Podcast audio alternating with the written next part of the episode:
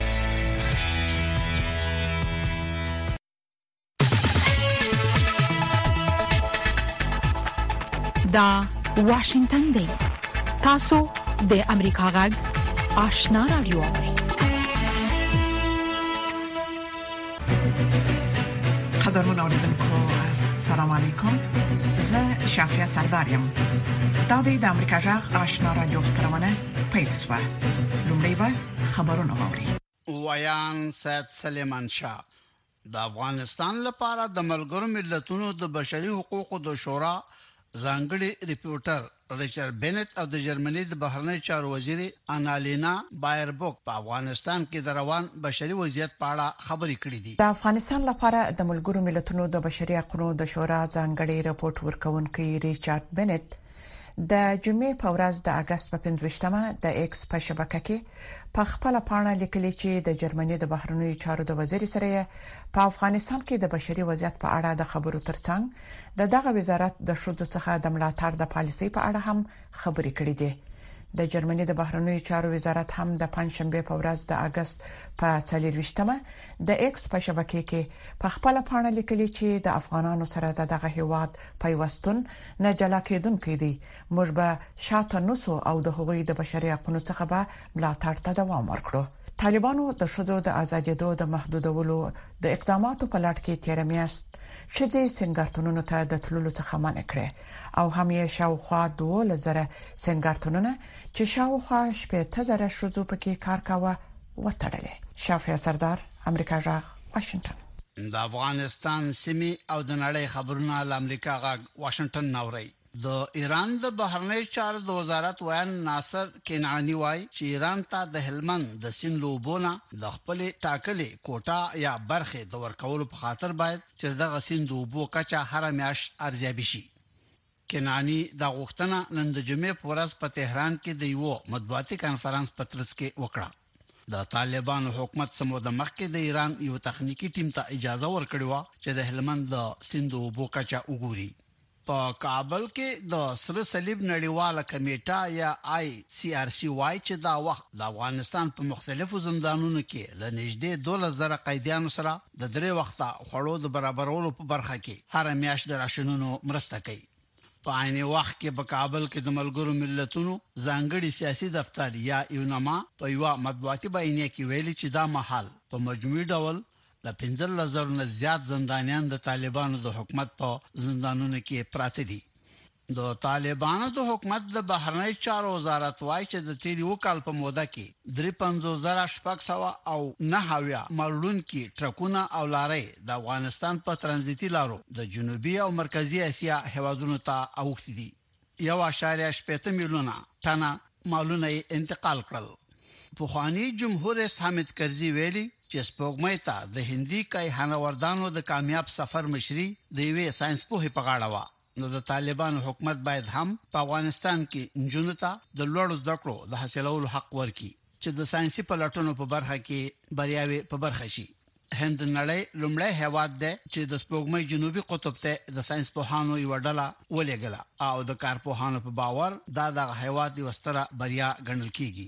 د روسي جمهور رئیس ولادیمیر پوتین پنځ شنبه د اگست په 13مه د لومړي ځل لپاره د واګنر د ډلې د مشر یوګیني پریګوژین د سپرلې د الوتکې د راغورځېدو وروسته غبرګون وښود او د هغه له کورنۍ سره خواخوږي څرګنده کړه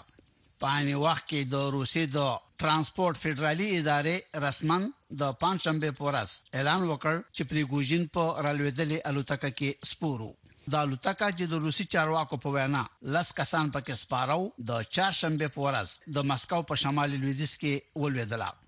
روسي چارواکو د پنجشنبې په ورځ د امریکا د وال سټریټ ژورنال ورځپاڼې د قید شوي خبریال ایوان ګریشکوویچ د بند موده درې میاشتې نوره هم وغځوله. ګریشکوویچ د روسیې د فدرالي امنیت ادارې یا ایف اس بي د روان میلادي کال د مارچ په دېرش مه د واشنګټن لپاره د جاسوسۍ په شک ونیو. خو د وال سټریټ ژورنال ورځپاڼې د روسي چارواکو له خوا لګول شوي الزامونه رد کړي دي.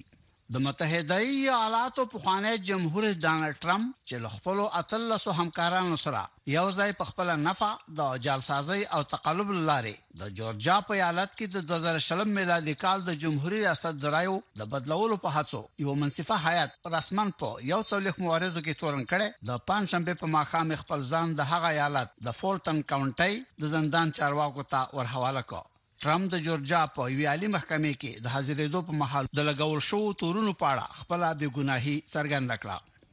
کوم اقتصادي بندیزونه چې د افریقای هیواد نیجر په خلاف د جولای په میاشت کې د نظامی کودتا په تعقیب لګیدلې دي په لویدیز افریقا کې د خوراکي موادو د بیې د لوړېدو سبب شوي د متحده ایالاتو د کلیفورنیا ایالت پولیس وايي چې د چهارشنبې په ماښام یو وسلوال په یوې شرابخانې کې ډزې وکړې، درې کسان یې وژل او لږ تر لږه شپږ کسان یې ټپیان کړل.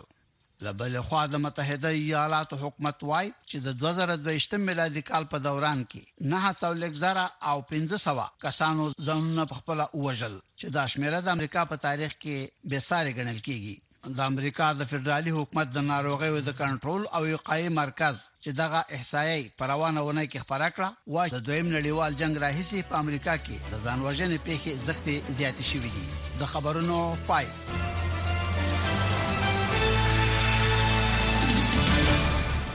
خبرونه مو د امریکا جغ آشنا رادیو څخه واوریدل قدرمن اوریدونکو زموږ په دې سهارنۍ پښتو خبرونه کې د افغانستان سیمه او نړۍ د اوسنوي حالاتو په اړه کې مهم مطالب لرو هله د خبرونه تر پای واوري لومړی به دا راپورټ واوري چې په افغانستان کې د طالبانو د حکومت د بهرنیو چارو وزارت وایي چې په تیر یو کال کې قریب 35000 شپږ نه اویا لاري او موټرې د افغانستان منځنۍ او جنوبي اسیا ترمنځ سرحدونو څخه تیر شوی دی نور حال د اکرام شینواري پر رپورت کې واوري د طالبانو د حکومت د بهرنۍ چارو وزارت وایي چې په تیر یو کال کې د افغانستان له لارې د منځنۍ او جنوبي اسیا ترمنځ سوداګریزه راکړه ورکړه کې زیاتوالی راغلی دی او تیر یو کال کې د منځنۍ او جنوبي اسیا ترمنځ د افغانستان له لارې 350 زره شپږ سوه نهاوې لارۍ او باروړونکي وسایطو تګ راتګ کړی چې یو میلیون او شپېته زره ټنه ترانزیتي مالونه یې انتقال کړي دي د دغه وزارت سرپرست مولوي امیر خان متقي وایي چې د حکومت روانه بهرنۍ پالیسي اقتصاد محوره پالیسي ده چې له مخې هڅه کیږي چې افغانستان په سیمه کې خپل پخوانی تاریخي ترانزیتي ارزښت ترلاسه کړي ښاغلي متقي چې تیر اونۍ په کابل کې خبريالانو ته د خپل وزارت د تیر یو کال د فعالیتونو په اړه معلومات ورکول ویل چې اقتصاد محوره پالیسی په سیمه کې افغانستان ارزښت زیات کړی دی دغه اقتصاد محوره سیاست افغانستان ته دا فرصت ورکوي چې په سیمه کې سیاسي حیثیت وساتي، اقتصادي حیثیت وساتي، د اقتصاد محور او مرکز وګرځي، د ترانزیټ مرکز وګرځي او دا د افغانانو لپاره د روزګار لپاره، د مصروفیاتو لپاره، د د بوختیاوو لپاره یو یو یو ښه زیری ده د موږ تاسو لپاره. د دغه وزارت د اقتصادي اړیکو رئیس شفیع اعظم وايي چې تیر یو کال کې د شمالي او جنوبي اسیا په استقامت دوه نوو دهلیزونو کې چې یوې په ختیځه برخه او بلې په لویدیځه برخه کې دې هم ګډون کړی دی هغه ویل چې په ختیځ دالیز کې قزاقستان او ازبکستان هڅولي چې د افغانستان له لارې جنوبي اسیا ته لار پرانیزي او په لویدیځ دالیز کې روسیې او ترکمنستان سره خبرې کړي چې د ایران له لارې جنوبي اسیا سره د تګ راتګ پر ځای د افغانستان له لارې تګ راتګ وکړي ما توانستیم که نمایندګی افغانستان قسم شوه که برونا لبیک گفته شوه و در او شامل شویم که یک دهلیز شرقی از او اتصال قزاقستان ازبکستان از راه افغانستان و پاکستان و بحر هند است و دهلیز دومی که اصلا کشور فدراتیف روسیه ترکمنستان وعد از طریق راه ایران اینها میشد به خلیج و بحر هند وصل شود ما توانستیم که اونا را قانع بسازیم که افغانستان هم در این مسیر قرار بتد. د طالبانو د حکومت د بهرنیو چارو وزارت دغې چارواکي وویل چې په دې اړه لا هم خبرې روانې دي. د افغانستان د سوداګرۍ او پانګونې د خونې چارواکي هم وایي چې د منځنۍ او جنوبي اسیا ترمنځ د افغانستان له لارې د ترانزیټي مالونو انتقال د پخوا پرتله ډېر زیات شوی دی. د دغې خونې د مدیره پلاوي غړی خانجان الکوزی وایي چې په تیر رژیم کې هم د منځنۍ او جنوبي اسیا ترمنځ د افغانستان د وصلېدو هڅې کېدې خو اوس د پخوا پرتله دغه سیاسو عملي کېدو ته زمينه زیاته برابره شوې ده او دا د افغانستان لپاره ډیره په ګټه ده دا ډیره یو لوی موضوع ده هم دلته ظرفیت پیدا کیږي هم دلته کار پیدا کیږي موږ د دې استقبال کوو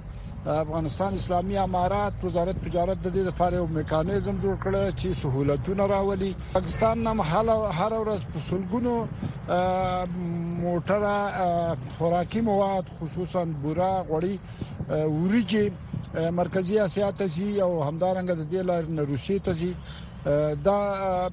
د اقتصادي پلوه د دې منطقې په ګټه ده د خلکو په ګټه ده د دې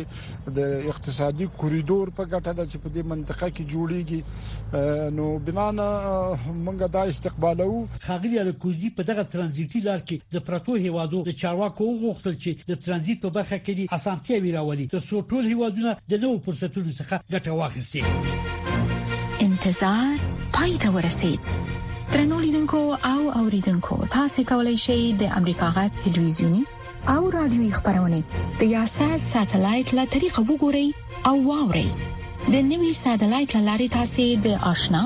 اتصال او کاروان ټلویزیونی خبرونه کتلای هم شئ د امریکا غږ د افغانستان څنګه خبرونه په 309 پټ چنل او د آشنا رادیوي خبرونه په 309 پټ چنل کې اوریدلای شئ لملتیا مو د تل پشان مننه د عربي اماراتو ته د یو شمېر ځکونکو پر سفر بندیز خبرګونونه پارولې دي د بشري حقوقو د څار سازمان کې د میرمنو د حقوقو مسؤلې هیدربار امریکا ژغته وویل چې د زده کړو په مخه د دغو جنونو پر سفر بندیز د اندیشنې وړ او د طالبانو لخوا د جنونو پر زده کړو د محدودیت لګولو د زیاتوالي ښکارندویي کوي نور تفصيل پر پورت کې واوري هف محرم but they don't allow those who have محرم زمونږ سره محرم مو طالبانو هغو جنو ته هم اجازه ورنکړه چې محرم ورسره وو کله چې غوي د زده کوونکو ویزا او ټیکټ ولیدو موږ ته اجازه را نکړله نه پوهیږم چې څه وکړو لطفا موږ سره مرسته وکړئ موږ په دې اړه زیات اندېښمن یو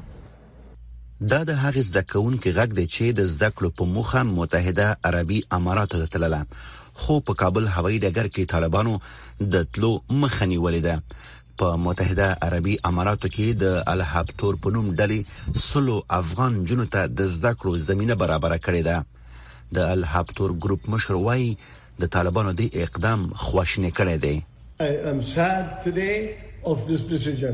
د پریکړې زه ډیر خپه کړی یم زه هیله لرم چې د طالبانو حکومت زما پر غوښتنې بیا کتنه وکړي او هغوی ته اجازه ورکړي چې راشي هغوی د زده کړو حق لري هغوی حق لري هغه څه وکړي چې نارینه یې کوي په دې کې هیڅ استثنا نشته د بشري حقوقو څار سازمان کې د میرمنو د حقوقو مسؤل هیدربر امریکا غږ ته وویل د طالبانو دا اقدام د اندېښنې وړ دی If these girls are not allowed to go and study, this represents که دې جنو ته اجازه ورنکړل شي چې لاړ شي او زده کړې وکړي، دا په حقیقت کې د جنو او میرمنو د زده کړو په حق باندې د طالبانو له لوري د بریدونو زیاتوالی دی. د میرمنو د حقونو یو شمېر فعالان وایي د زده کوونکو مخه نیول د زده کوونکو د برمته کولو په معنا ده ما از جامعه جهانی نهادهای مدافع حقوق بشر و از همه بیشتر از مردم افغانستان میخواهیم که در برابر یک چین عملکردهای ضد انسانی اسلامی و زنان و دختران افغانستان بیشتر از این خاموشی و بیتفاوتی اختیار نکنند تر اوسه طالب چارواکو په دې اړه څه نه دی ویلي د 2020م کال په اگست میاشت کې په افغانستان کې د بیا واک د ترلاسه کولو وروسته طالبانو د دغه هیواد پر خزو او میرمنو زیات محدودیتونه ولګول د نورو محدودیتونو ترڅنګ لشپګم ټولګي پورته او د میرمنو پر لوړ زده کړو بندیز لګول شوې دي وحید فیضی د امریکا غږ واشنگټن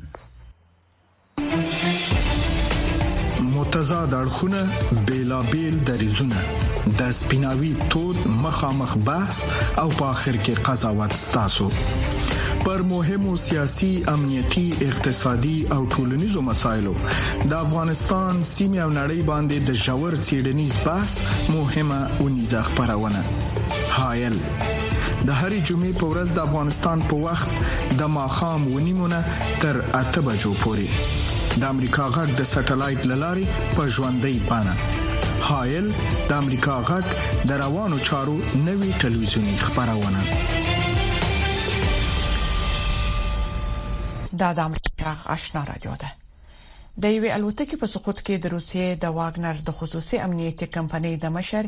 یفګینی پریګوژن تر مړینې وروسته یو شمېر کسانو د پنځشنبه په ورځ د هغه هیواد په سنت پیټرزبورګ کې د واګنر د دفتر مخې ته د ګلانو په ایښودلو خفقان څرګند کړ روسي چارواکو تایید کړ چې پریګوژن د چهارشنبه په ورځ د هغه هیواد په شمال کې د الوتکې په سقوط کې وژل شوی دی نور حال پر پورت کې واوري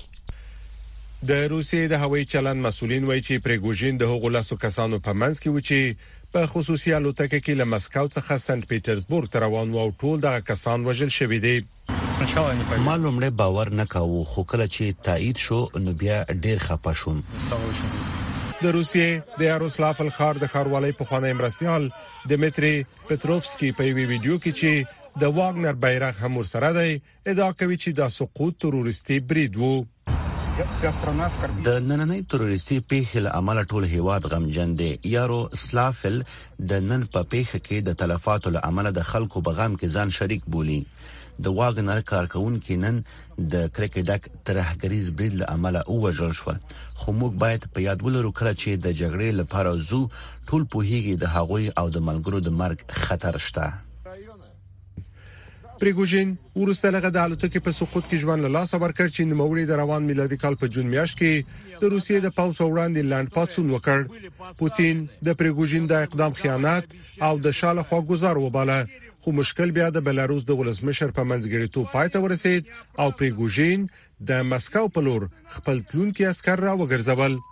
د واګنر پوځیانو د اوکراین د جګړې په یو شمیر سختو نښتو کې ونډه درلوده چې یو بیلګه د بخمود خار نیول وو لومړی تر هر څه دا به د حیرانتیا وړ نه وي که د واګنر رئیس یفګینی پریګوژن بل اخره د روسیې د دولت سره مخ شوی وي دا د حیرانتیا ورهخوا و کله چې نوموړي د کرملین په لور د مارچ په کولو مسکو وننګاوه او بیا نوموړی د دومره ډیر وخت لپاره ژوندې پریخودل شو سپینه ماڼۍ وایي چې ولسمشر بایدن ته هم د دې پیښې په اړه معلومات ورکړل شوې دي هغه د کالیفورنیا په لک ټاهو کې خبريالانو ته وویل د پوهیږي چې له پریګوژن سره څه شوي او پر راپورونو هم متعجب نه دی په روسیه کې ډېری داسې پیښې نه کیږي چې پوتین په کې لاس ونه لري پریګوژین 28 کلن او په 1980 لسیزه کې پر سړکونو د لوټمارۍ لامل په نه کال زندان محکوم شو خو کله چې روسیې د 2022 کال په فبرवरी کې پر اوکرين نظامی برید وکړ هغه یو ځل بیا د واګنر ډلې د مشر په توګه صحنه ته داخل شو سمي الله جلال زای د امریکا غږ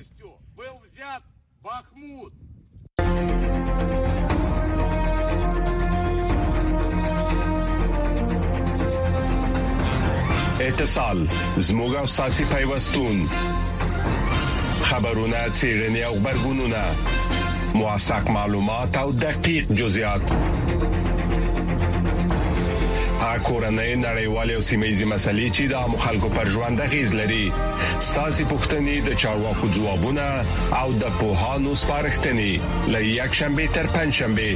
هر مخام په شپږ بجو او دیشو دقیقو له واشنگټن څخه پر ژوندۍ بڼه د سټلایټ ټلویزیون او ټولنیزو شبکو لاري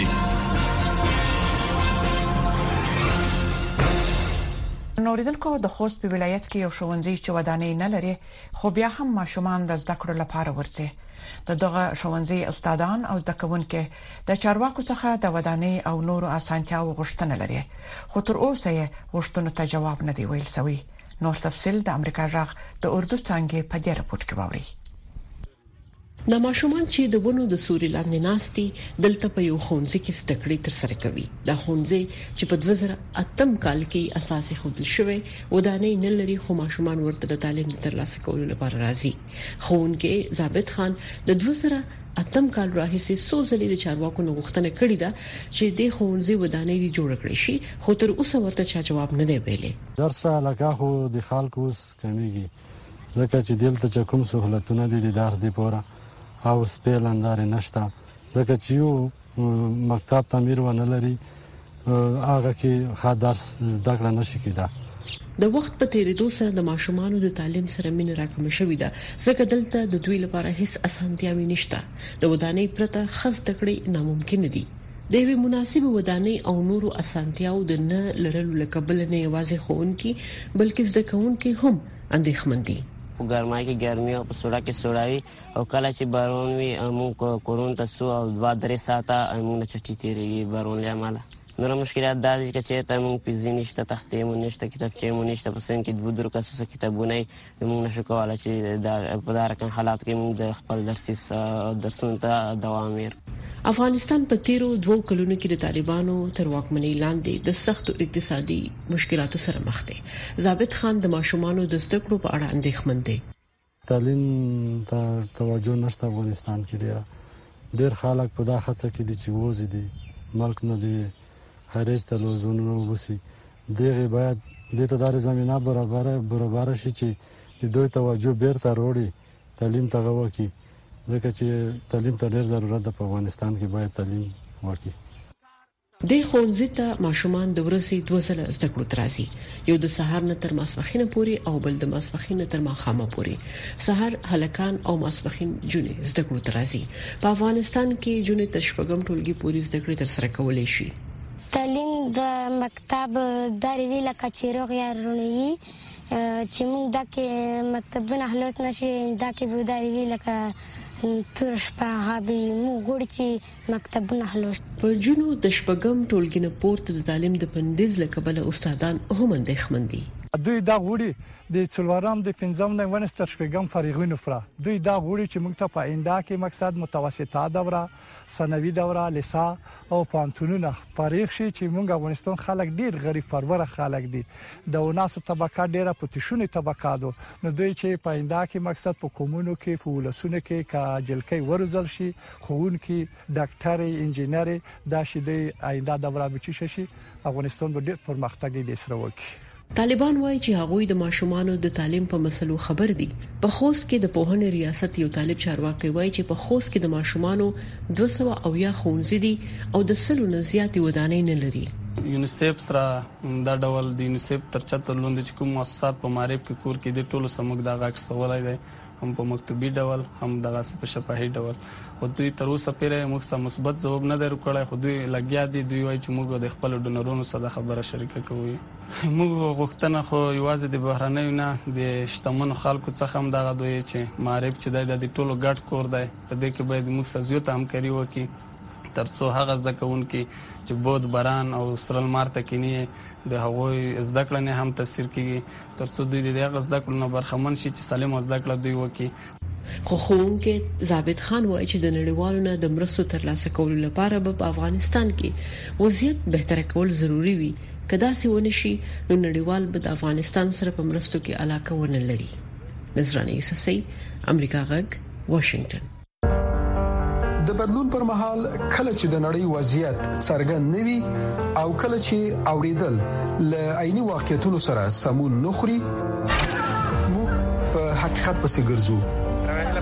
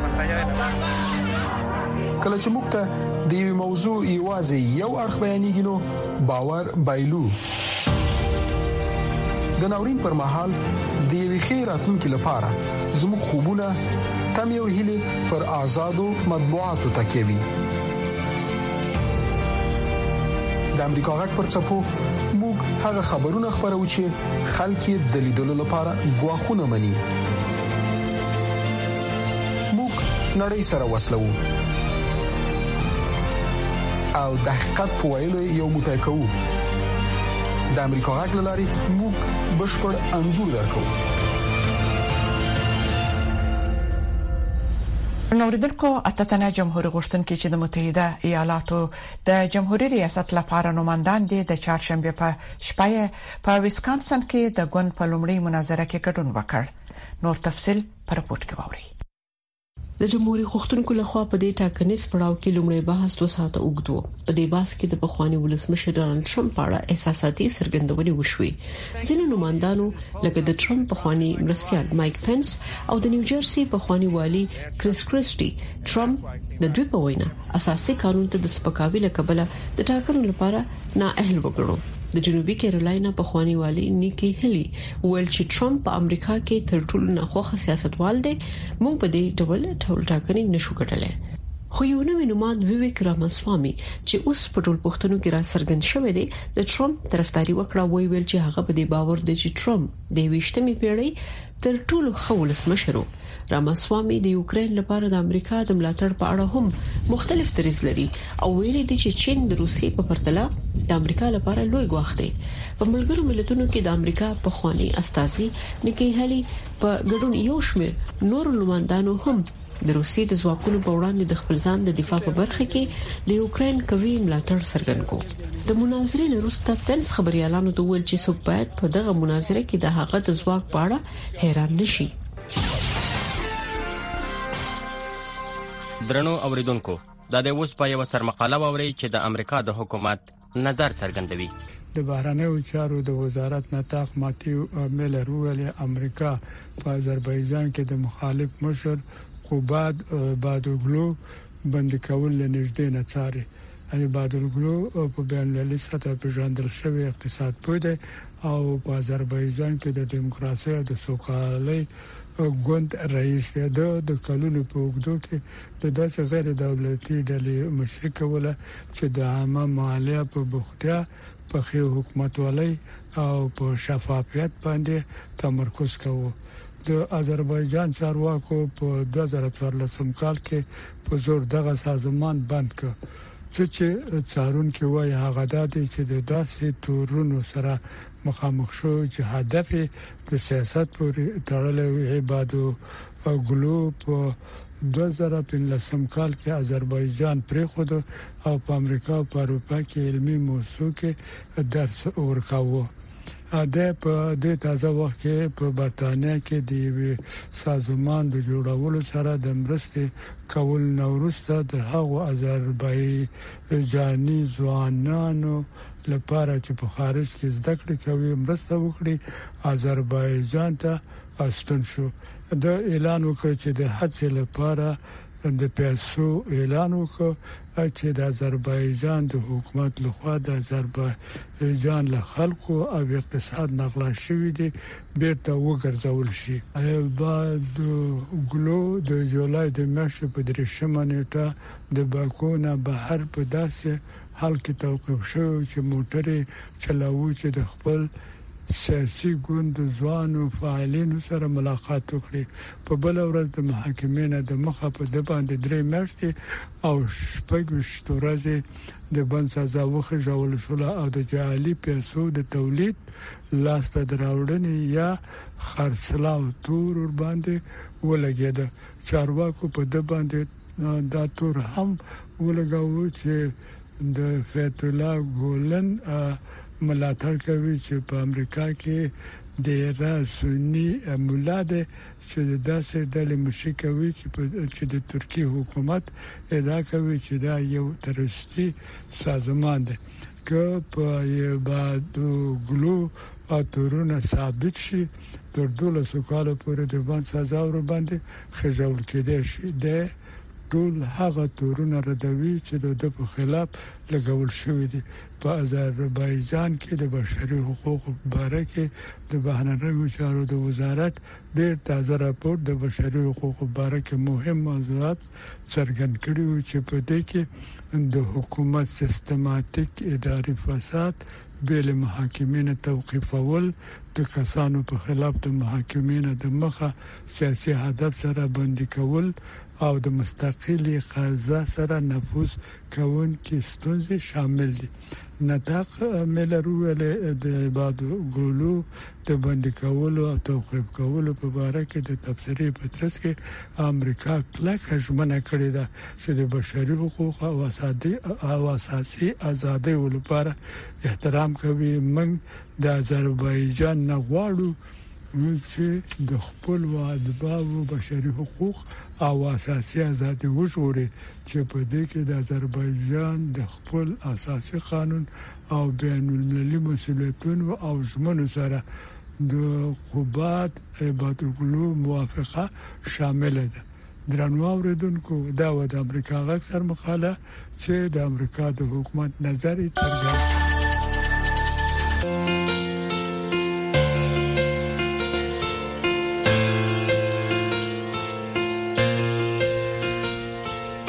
درنو اوریدونکو زموږ د خبرونه په همدې ځای پای ته ورسیده د امریکا جغ آشنا را دوه خبرونه دوام لري